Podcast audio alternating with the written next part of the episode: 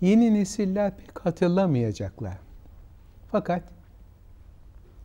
eskiler bilirler ki her meyvanın, sebzenin bir mevsimi vardı. Bugünkü gibi 12 ay bulunmazlardı. İşte yeni bir sebze ve meyve ile karşılaşıldığında mevsim icabı bilhassa İstanbul hanımlarının bir tekerlemeleri vardı. Eski ağza yeni taam ha ha hay derlerdi. Biz de bugün bahsedeceğimiz bir abide için bunu kullanmak mecburiyetindeyiz. Eski şehre yeni adet. Bu bahsedeceğimiz Nur-i Osmaniye külliyesidir. Evet. Külliyeler malum bir şehrin büyük eksikliğini gideren, yalnız ibadet merkezi olarak değil, ilmiyle, sağlığıyla, sair e, yardımcı e, işleriyle şehrin büyük eksiğini kapayan abideler. Bilhassa e, Osmanlı padişahları en geniş şekilde külliyeye iltifat etmişler. Daha evvel bahsettiklerimizden sonra çünkü 17. asrın e, çok geniş ve muhteşem bir külliyesi Sultanahmet. Bunu daha evvel anlatmıştık. Sonra yapımı çok uzun süren, aşağı yukarı 65 yıl süren bir başka külliye, yeni cami ki Sultan 4. Mehmet devrine tesadüf eder bitirilmesi. Bundan sonra Sultan 3. Ahmet'in Üsküdar'da annesi için yaptırdığı yeni valide, valide-i cidid külliyesi. Ama bu saydıklarım hepsi klasik vadide, önceleri Sinan yolunda giderken yine o havasını kaybetmeyen şekilde 18. asra kadar gelmiş. Evet efendim. 18. asrın ortalarında Lale devrinde önceden biz Avrupa sanatı ile yüz yüze geldiğimiz hatta burun buruna geldiğimiz için onun tesirinde kalmışız. Belki e, Kağıthane'de, Sadabat'ta yapılan e, köşkler de Lale devrinde o tesiri almışlardı ama zamanımıza gelmediği için bir şey söylemek mümkün müdür bilmiyorum.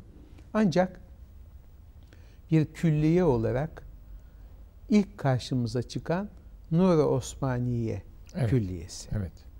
Ondan evvel bildiğim kadarıyla vilayetin hemen yanındaki Beşir Ağa sebilinde de barokun hafif barok tesirleri görmeye başlamış. Ama evet.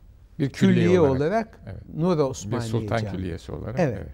Bunu 1749 yılında İstanbul'a imar cihetinden çok kıymet veren, zaman ayıran devrin padişahı Sultan 1. Mahmut başlatmış. Evet. Muhtemelen ismi Mahmudiye Camii olacaktı belki. Fakat son yılında bitimine yakın vefat etmiş. Yerine geçen Sultan 3. Osman her ne hikmetse abinin e, yaptırdığı külliyeye onun adını vermek yerine kendi adını vermiş ve aslında Nur-i Osmani olması gerekirken evet. Türkçe cihetinden sonuna bir de mahal gösteren Y takısı takılarak evet. Nur-i Osmaniye denmiş ve bu şekilde cami onun devrinde bittiği için bu atla zamanımıza kadar da gelmiş. Evet. Sizden bu cami hakkında ve külliye hakkında izahat rica edeceğim. Tamam, Fakat tamam. yine musiki icrası zamanı gelmiş. Efendim benim gevezeliğimden demek ki. Estağfurullah, estağfurullah. Bugün rast makamından gideceğiz. İşimiz rast gelsin. Evet, işimiz rast gelsin. Lem'i adlı merhumun çok sevilen bir eserini icra edecek musiki heyeti. Bu zevku safa Sahnı çemenzarede kalmaz. Güller dökülür, bülbül ölür, harede kalmaz. Bu nazu eda şuhi sistemkarede kalmaz. Sabreyle gönül, vuslatın ayarede kalmaz. Güller dökülür, bülbül ölür, harede kalmaz.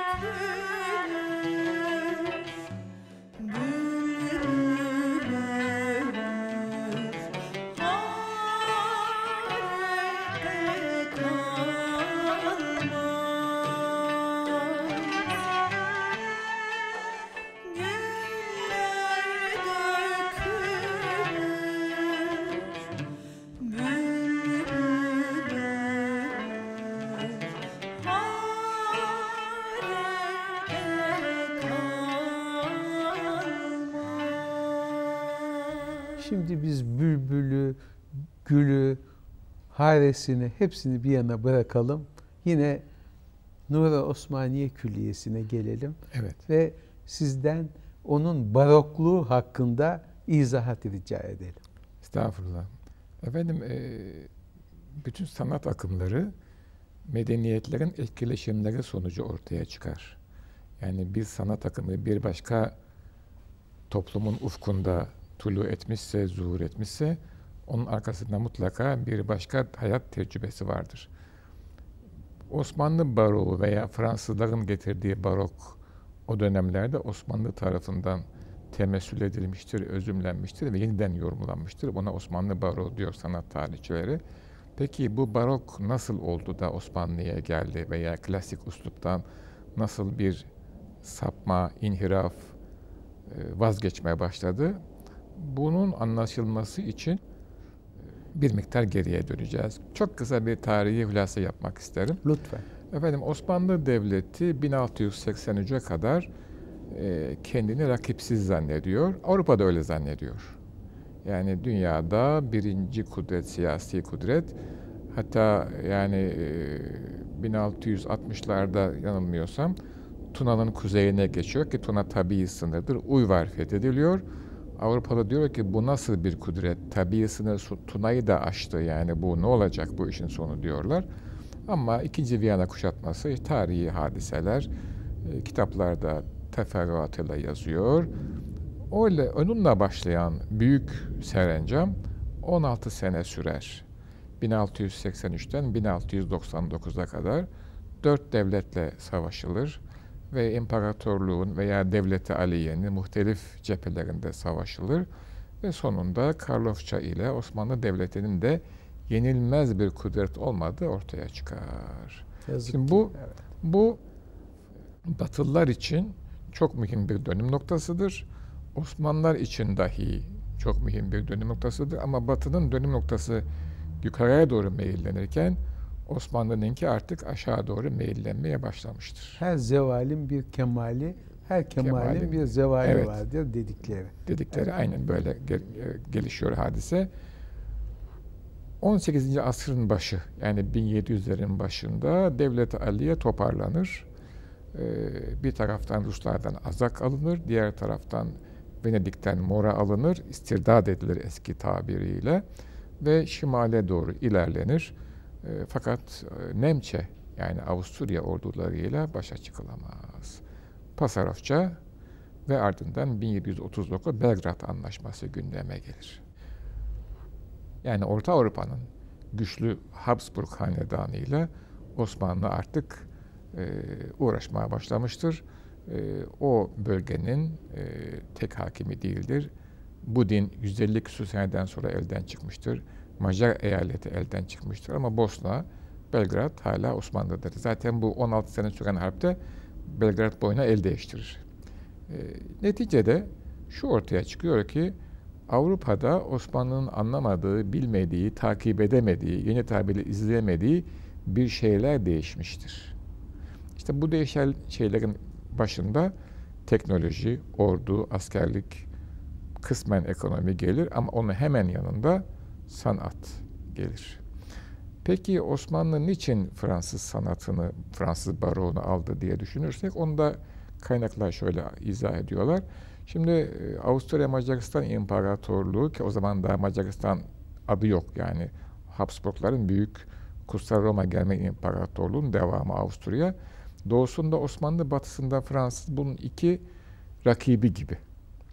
Yani bir taraftan e, Fransa'yı da e, hakimiyetini almak istiyor. Kanuniye kadar düşünürsek Fransuva zamanında işte yakalıyor, kaleye hapsediyor vesaire. Sıkıntı yani Fransızlar da Avusturyalılara pek sempatik bakmıyorlar. Ve bu e, Karlofça ve devamında ve Belgrad e, mua, e, muahedesinde 1739 e, Fransızların Osmanlı'ya çok büyük yardımı var. Dolayısıyla yani Fransız sempatisi o zamanlardan başlıyor ve tabii işte e, Fransa'ya sefi gönderiliyor. Hatta e, ben şöyle bir tespit yapmaya çalıştım. Yani o dönemlerde yani 1700'lü yıllarda Avrupa'nın muhtelif başkentlerine devamlı sefir gönderiyorlar Osmanlılar. Daha evvelden böyle bir adetleri. Evet. Şimdi bu arada tabii Fransız baroğu da geliyor ve e, yani bir manada kendinden farklı yani kendinden üstün demeyeyim ama en az kendisi kadar güçlü bir e, medeniyetin, güçlü bir kudretin sanatı olarak giriyor Osmanlı topraklarına. Ve sizin biraz evvel çok böyle hoş bir nükteyle bahis buyurduğunuz gibi eski adı yeni tam oluyor ve Nur Osmaniye Külliyesi e, ortaya çıkıyor. Kaynakların yazdığına göre mimari Semyon Kalfa. Evet. Zımmi bir mimar. Evet. Ve Sultan 1. Mahmut kitaba, musikiye, edebiyata, kütüphaneye çok meraklı bir zat. Sanata çok e, hüsnü teveccüh var. Evet. O kalfaya bunu emanet ediyor. Ve bir de hakkında inşaatın e, katibi var Ahmet Efendi bir risale yazmış. Orada da büyük teferruat öğreniyoruz. Yine sanat tarihçilerinin yorumlarına göre her ne kadar bu bir barok ise de Osmanlı mimari kudretinin, sanat e, kabiliyetinin bu yabancı tesiri alıp kendi zevki, kendi düşüncesi, kendi estetik anlayışı istikametinde e, yorumlama, tahlil etme ve bundan yeni bir sanat biçimi ortaya çıkarma kudreti henüz daha mevcut. Çünkü 19 ve devamında özellikle 19'un ikinci yarısında artık bunu böyle bir, böyle bir kudret kalmadığını görüyoruz. Direkt olarak alınıyor ve kopya ediliyor yapılar. Evet. İstanbul'umuzda böyle yapılar da çok var. Sonunda Bunlar da çok çok mühim yapılar. Tamamen mağlup oluyor. Evet sonunda yani o sonunda evet. bir şey olmadı anlaşılıyor. Evet. Ama burada henüz öyle değil. Ee, bizim alışık olmadığımız e, bir yapı tarzı ortaya çıkıyor. Malumunuz bir külliye camisi var. Evet. Cami tek kubbeli, büyük bir kubbe ve arkasında hiç alışık olmadığımız adeta böyle eliptik veya beyzi bir avlusu var ve küçük evet. bir avlu var. Barok tesiri. Evet, barok tesiri. Şimdi biz tabii böyle büyük geniş avlulara alışmışız. Osmanlı mimarları dik açılı köşelerden çok hoşlanırlar. Ya zaman zaman bir küçük espri olarak dar açıyı kullanırlar. Yani bir manada e, mekanın getirdiği bir zaruret olarak eğer öyleyse onun dışında dik açı eski tabirle mustatil veya murabba, kare veya evet. dikdörtgen hacimler yaparlar. Bunu kubbeyle örterler vesaire. Ama şey böyle değil. Bir de dışarıdan baktığımız zaman her ne kadar tek kubbeli bir cami ise de büyük kemerler istinad eden bir büyük kubbesi varsa da yapı biraz basıktır. Ve dışarıdan baktığı, bakıldığı zaman e, birçok yapı unsurları çok yani baroğun çizgileri orada görünür. Baroğun özelliği malumunuz eğri, eğri satırlar ve eğri çizgiler kullanır. Yani bitişler barokta daima eğriseldir. Halbuki Osmanlı mimarlığında bunu böyle görmüyoruz. Ee, Edirne Kapı Mihrimah'la karşılaştırdığımız zaman bir defa Edirne Kapı Mihrimah yüksek bir camidir. Çok. Ve çok yalındır çizgileri. Evet. Yani orada hiç e, bir e, gereksiz çizgi, gereksiz bir e, materyal, gereksiz bir yapı elemanı görmezsiniz. Burada ise bu çizgiler yumuşatılmış bir manada hani bir Fransız nasıl söyleyeyim zevki girmiş vaziyette ve basık bir cami görüyorsunuz. Yani her ne kadar tek kubbe ve büyük kemer olarak Edirne Kapı Mihrimah'a benziyor ise de ama e, birbirlerinden çok farklı iki yapıdır bunlar. Birisi Sinan'ın adeta ben tek kubbeli ve desteksiz bir cami nasıl yaparım dediği bir hadisedir. Öteki de yine tek kubbeli ve desteksizdir ama Sinan'ın yalın, sade, e, ne kadar söylenmesi gerekiyorsa o kadar söyleyen e, mimarisinden uzaktır. Ben Sinan'ın o mimarisini Yunus Emre şiirine benzetirim. Öbürlerinde tasannu içinde olan yani müteşairlerin bir e, şiir denemesi gibi de düşünebiliriz. Yani. Kısacası Sinan Simon farkı. evet, çok güzel. Evet. Efendim yeni bir musiki eseri icra zamanı geldi. Bu defa da 19. asır bestekarlarından Abdi Efendi'nin hafifliği nispetinde hafif bir şarkısını icra edecek musiki heyeti. Sevdim yine bir nevcivan, aşkı derunumda nihan. Evet.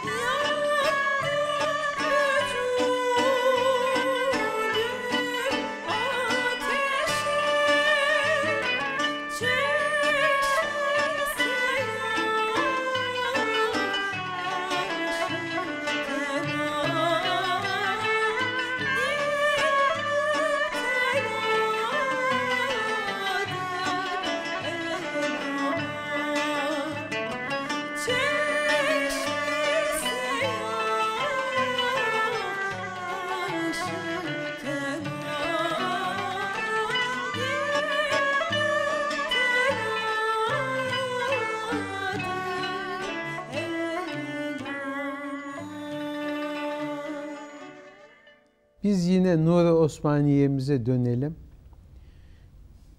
Üç yıl sürmüş padişahlığı Sultan 3. Osman. Evet. Fakat işte bu arada bir kocaman külliyi kendisine mal etmiş. Bir de türbe yapılmış orada. Herhalde kendisi defnedilmeyi bekliyordu. Kendisi için düşünmüştü. Fakat onun halefi olan Sultan 3. Mustafa evet. herhalde içine sindiremedi ki bu yapılan haksızlığı. Onu oraya gömdürmeyip yeni cami türbelerine gömdürmüş. Fakat yine de bir mevki vermiş olmak için 3. Osman'ın annesi Şehsuvar kadını gömdürtmüş o evet. türbeye. Bir de küçük hazire vardır. Sonra asıl e, çok güzel bir kütüphane mevcuttur.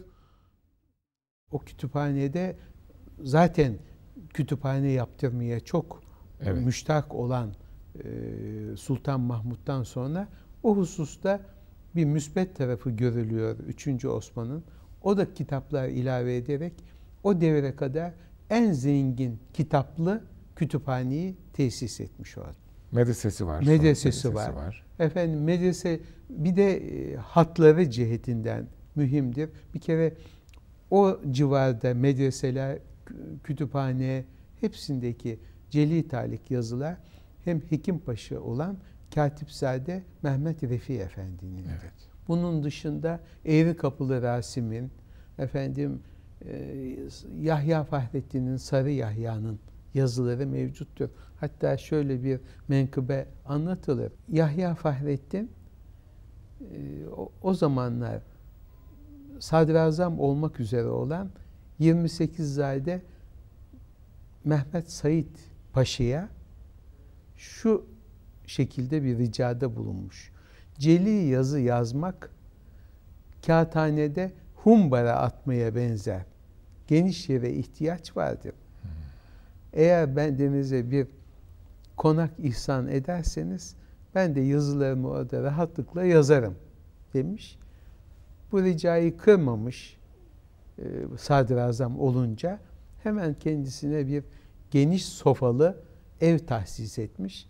Fakat Yahya Fahrettin orada ancak iki satır celi yazabilmiş. Emre Hak vakı olmuş. Evet, kısmet değilmiş. Evet. Evet, evet. evet. Efendim şimdi Nuri Osmaniye'nin civarından Civarında. bir e, nazar atfederseniz. Tabii Nuri Osmaniye'nin hemen civarında Kapalı Çarşı var. Evet.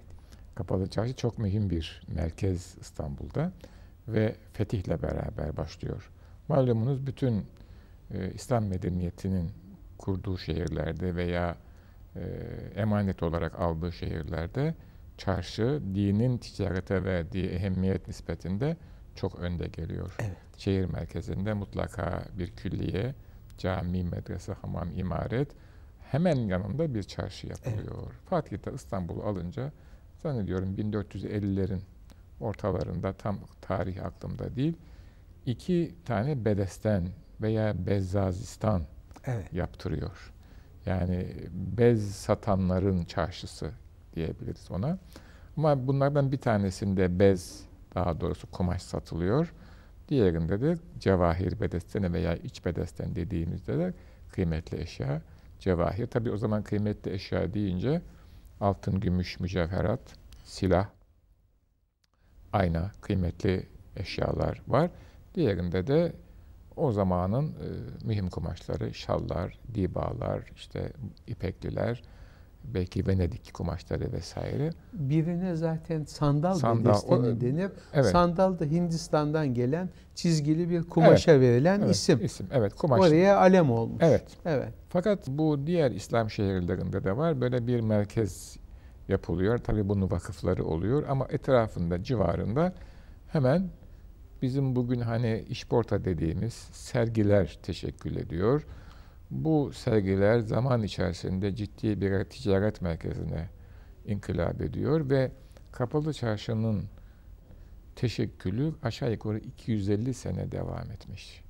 Yani bir büyük e, mahalle hatta mahalleler e, kompleksi olmuş E, Önceleri üstü açıkmış. Önceleri üstü açık. Sonra kapanmış. Tabii, yangınlar, zelzeleler çok, çok, neler geçirmiş. Çok uzun bir evet. macerası var.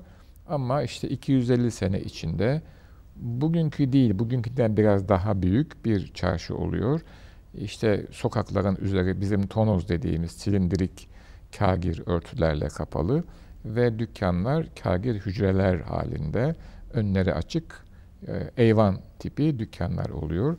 E, yine kitapların yazdığına göre kabaca 31 hektar yani bir hektar 10 bin metrekare gibi dersek aşağı yukarı 310 bin metrekare falan bir yer ki evet. bayağı büyük. Yani ben şöyle bir hesap yaparsam hani bir dikdörtgen düşünsek bir kenarı 500 metre, bir kenarı 600 metre.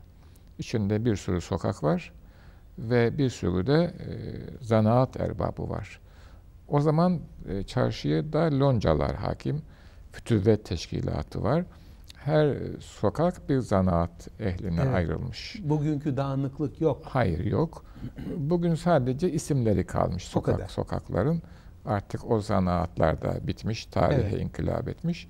Kapalı çarşı buyurduğunuz gibi zelzelelerle, yangınlarla uğraşıyor ama İstanbul'un zaten e, bahtı böyle bir deprem bölgesi. E, ahşap mimari var. Evet. Ahşaptan kaçılıyor, kagir yapılıyor, o yangında yıkılıyor. Tekrar ahşaba dönüyor, o yanıyor. Pardon, depremde yıkılıyor, öteki yanıyor. Böyle gidiyor hadise. Ama kapalı çarşının bahtının menfi manada dönmeye başlaması 1894 1310 zelzelesinden evet. sonra modernleşen Türkiye kapalı çarşıyı da modernleştiriyor. Evet. Ee, ve kapalı çarşının dış revakları veya tonozları yıkılıyor. Çadırcılar bunlardan bir tanesi. Açık hale getiriliyor ve çarşı küçülüyor. Kapalı çarşının içinde e, kapıların yerleri değişiyor. Kapıların bir kısmı evet. örülüyor. Evet. Bir kısmı kaybediliyor. Kapalı çarşının içinde veya kurbinde veya kapalı çarşıda iltisakı olan, bağlantısı olan 30 tane han evet. var. Bu hanlarda esnaf var, tacir, tacirler var vesaire. Bu hanların da bir kısmı kapalı çarşıdan tümüyle ayrılıyor. Çünkü yıkılınca bazı kısımları ayrı bir han haline geliyor. Ama yine kaynakların belirttiğine göre bugün kapalı çarşının içinden girilen, sadece kapalı çarşının içinden girilen 10 tane han var. Böyle bir hmm. isimleri var bunların. İsimleri kaynaklarda var. Ama kendi içinde adeta nerede ne bulacağınızı hiç bilmediğiniz sürprizlerle dolu. Zaten güzelliği de orada. Kesinlikle rasyonel bir plana oturmayan, ızgara filan değil. Ve hayatın akışı içinde, zamanın akışı içinde ihtiyaçtan hiç iddiası olmayan, kendi kendine oluşmuş bir mimarisi var. Bunu şöyle ifade etmek de mümkün. Bizim evlerimiz yani Osmanlı evleri, eski Türk evleri dışta fevkalade sade. Dışarıya karşı herhangi bir gösterişi yok. İçine girdiğiniz zaman evdeki alayişi, zenginliği, medeni ve kültürel derinliği ve tabii ki maddi e, ihtişamı görebiliyorsunuz. O da evin belli bölümlerinde, her bölümünde değil. Kapalı çarşıda böyle. Mimarisi esas yani e, zarf fevkalade e, mütevazı. Hatta belki tevazuun da altında yani sıradan yapılmış gibi gözüküyor. Zaman içinde oluşmuş. Evet. Fonksiyon ön planda. Ama mazruf fevkalade hoş. Şöyle anlatıyorlar. Loncalar zamanındaki kapalı çarşıda Hı. bir defa taş duvarlı hücrelerin içinde o zaman sandık tabiri veya dolap tabir ederlermiş. Bazen bir bazen iki dükkan var. Arada bir perdeyle ayrılmış vaziyette. Kerevet var. Arkada raflar. Raflarda bütün mallar açıkta sergileniyor. Çok kıymetli malsa esnafın öndeki çekmecenin içerisinde hmm. müşteri gidip kerevete oturuyor. Çubuk içiyor, kahve içiyor. Hatta hanımlar da oturuyorlar kerevete ve sohbet ediyorlar e, satıcıyla. Malı görüyor, konuşuyor, bakıyor, ediyor ve kapalı çarşıda ben inanamadım. Pazarlık yok. Makul ve tek fiyat söyleniyor. Evet. Çünkü serbest rekabet söz konusu değil. Bir başka anlayışın çarşısı o. Sonra siftah etmeyen Aynen öyle. efendim eden eden etmeyene yolluyor. Evet. Kanaatin çarşısı, evet. tok gözlülüğün evet. çarşısı evet. ve zenginliğin çarşısı. Biz bunu yazmıyoruz. Yazmaya ihtiyaç duymuyoruz. Yabancı seyyahlar geliyorlar ve kapalı çarşının ihtişamını, hem doğudan mal geliyor hem batıdan mal geliyor. Her mal bulunuyor ve fiyatı tek fiyat ve makul fiyat. Evet. 1894 ve sonrasında e, Avrupa kapitalizmi e, Türkiye'ye girdikten sonra açık göz tüccar tipi ortaya çıkıyor. Avrupa kapitalistlerinin Türkiye'deki uzantıları var. Mümessilleri. Evet. evet. Onlar e, o zihniyeti hem kendi hayatlarına tatbik ediyorlar hem de iktisadi hayata tatbik ediyorlar. Ve tabii e, o insanlar da açık göz tüccar pazarlık ediyorlar. Müşteri celbetmek için propaganda yapıyorlar. Halbuki öbür, öbür esnaf oturuyor, bekliyor malı orada. İnsanlar geçiyorlar, görüyorlar diyor yani. Evet. Ve e, tabii şeyde e, renk de değişiyor zaman içerisinde. Böyle bir tarihi var Kapalı Çarşı'nın. Kapalı Çarşı'yı e, 1894 zelzelesinden sonra Sultan Hamid'in evet. E, yaptırdığı bir tamirdi oradaki. Kapısına Nur Osmaniye kapısına bir büyük Osmanlı arması konuyor.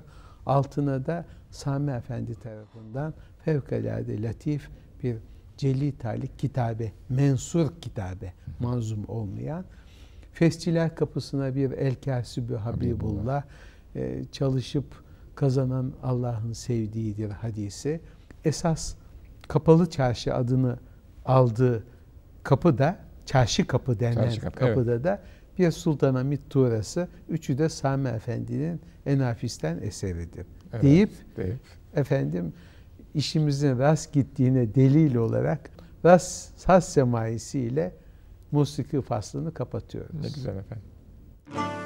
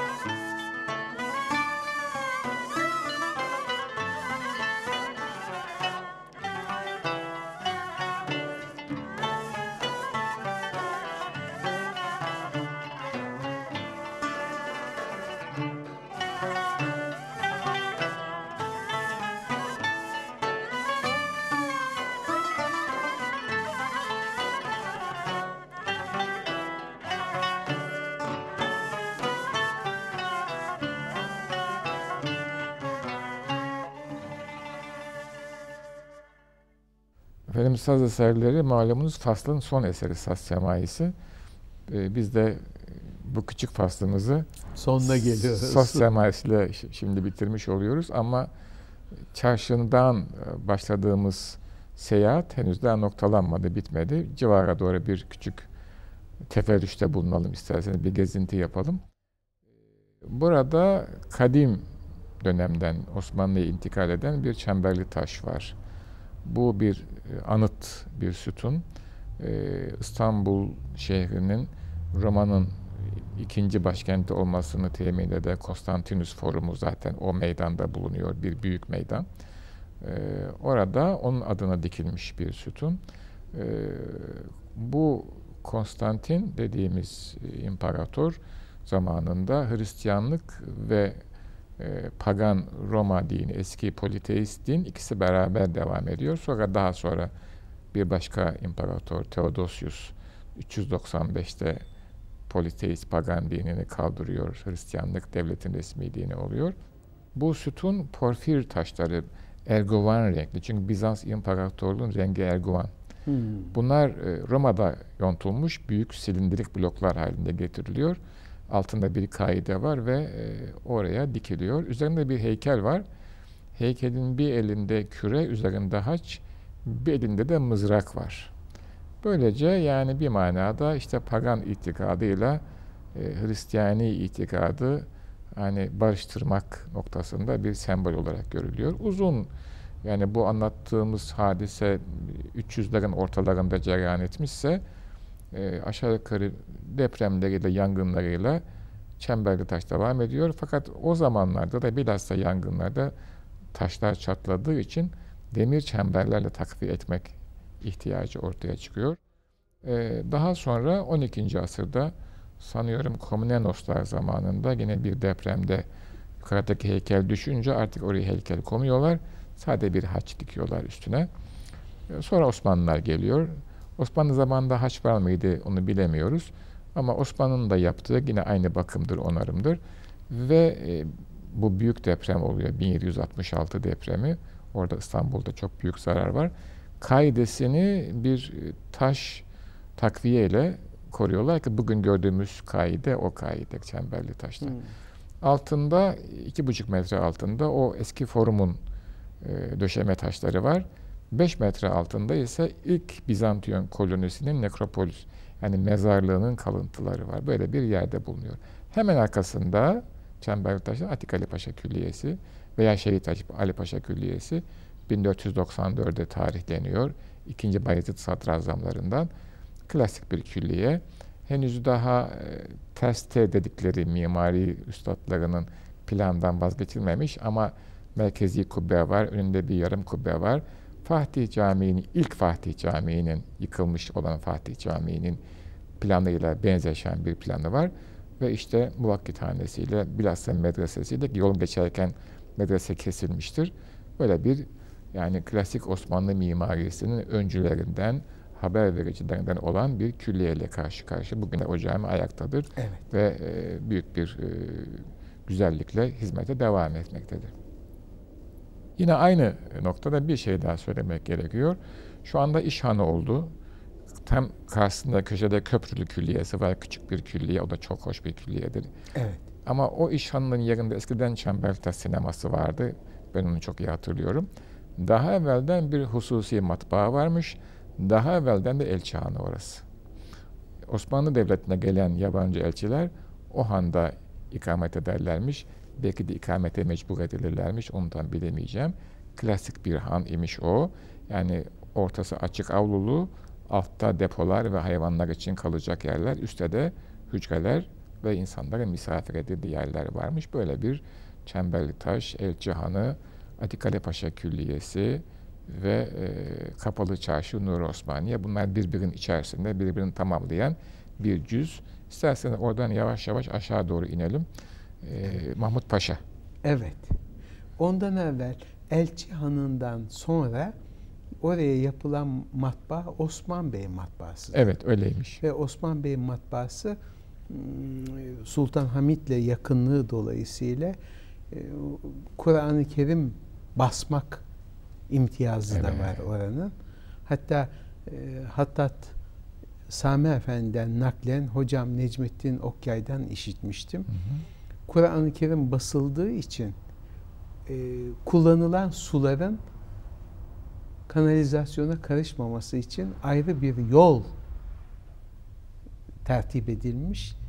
Yani o sular kötü yere gitmesin Gitmiyor, diye. toprağa, zemine evet, gidiyor. İttikaya evet. bakın. Evet, evet. evet. Şimdi efendim dönelim Nur Osmaniye Camii'nin Halice doğru tarafında Mahmut Paşa Camii'ni göreceğiz. Evet. Mahmut Paşa Sultan Fatih'in evet. sadrazamlarından biri. Çok hayırsever. Oraya hamam yaptırmış efendim ve gelir getirici çarşı yaptırmış. Hatta Mahmut Paşa'nın şöyle bir hususiyetini hatırlıyorum. İkramı çok seven bir kimse nohutlu pilav ikram edermiş. Fakat içine tamamen nohut benzeri altın taneleri koyarmış. Ayırt etmeye imkan yok. Kaşığıyla alıp ağzına nohut, altın nohut gelen hemen onu cebine koyarmış. Yani böyle bir evet, ikramda bulunuyor. Böyle bir evet. evet efendim. O yolu devam ettirdik mi Eminönü'ne varacağız. Çünkü bundan sonra artık Tophane tarafına gidiyoruz. Evet. O sebeple biz Mahmut Paşa yokuşundan aşağı doğru inebiliriz. Orası bir zamanlar İstanbul'un e, orta halli insanlarına hitap eden çok mühim bir çarşısıydı. Evet. Evet. Ve yani şimdi e, bilmem hala kaldığım işporta tabir ettiğimiz yani bir tezgah, dükkan yok. e, orada insanlar satış yaparlardı ve e, her türlü mal özellikle yani giyim eşyası, e, kumaş vesaire orada bulundu. Zaten çarşının özelliği yani benim yetiştiğim yıllarda 40'ların sonu 50 ve devamında e, ayakkabı, giyim eşyası, cihaz veya çeyiz eşyası evet. ve tabii e, altın yüzüktü, bilezikti, evet. kuyumculuk, mücevherat çarşıda evlenmeyle ilgili bütün efendim sünnetle ilgili evet. her türlü evet. cihaz oradan temin, temin edilebilirdi. Evet. İşte Eminönü'nde de e, biraz evvel bahis buyurduğunuz yeni cami ve külliyesi var. Sonra işte köprüler var. Köprülerden karşıya geçiyoruz. Ee, burada da zannediyorum bu programın sonuna doğru da gelmiş evet. bulunmaktayız. Ee, sayın seyircilerimizden, muhterem seyircilerimizden iyi akşamlar diliyoruz efendim. Hayır, ben hayırla, de, hoşça görüşmek niyaz evet, ümidiyle. Ben de o temennilere katılıyorum efendim. Hayırlı geceler.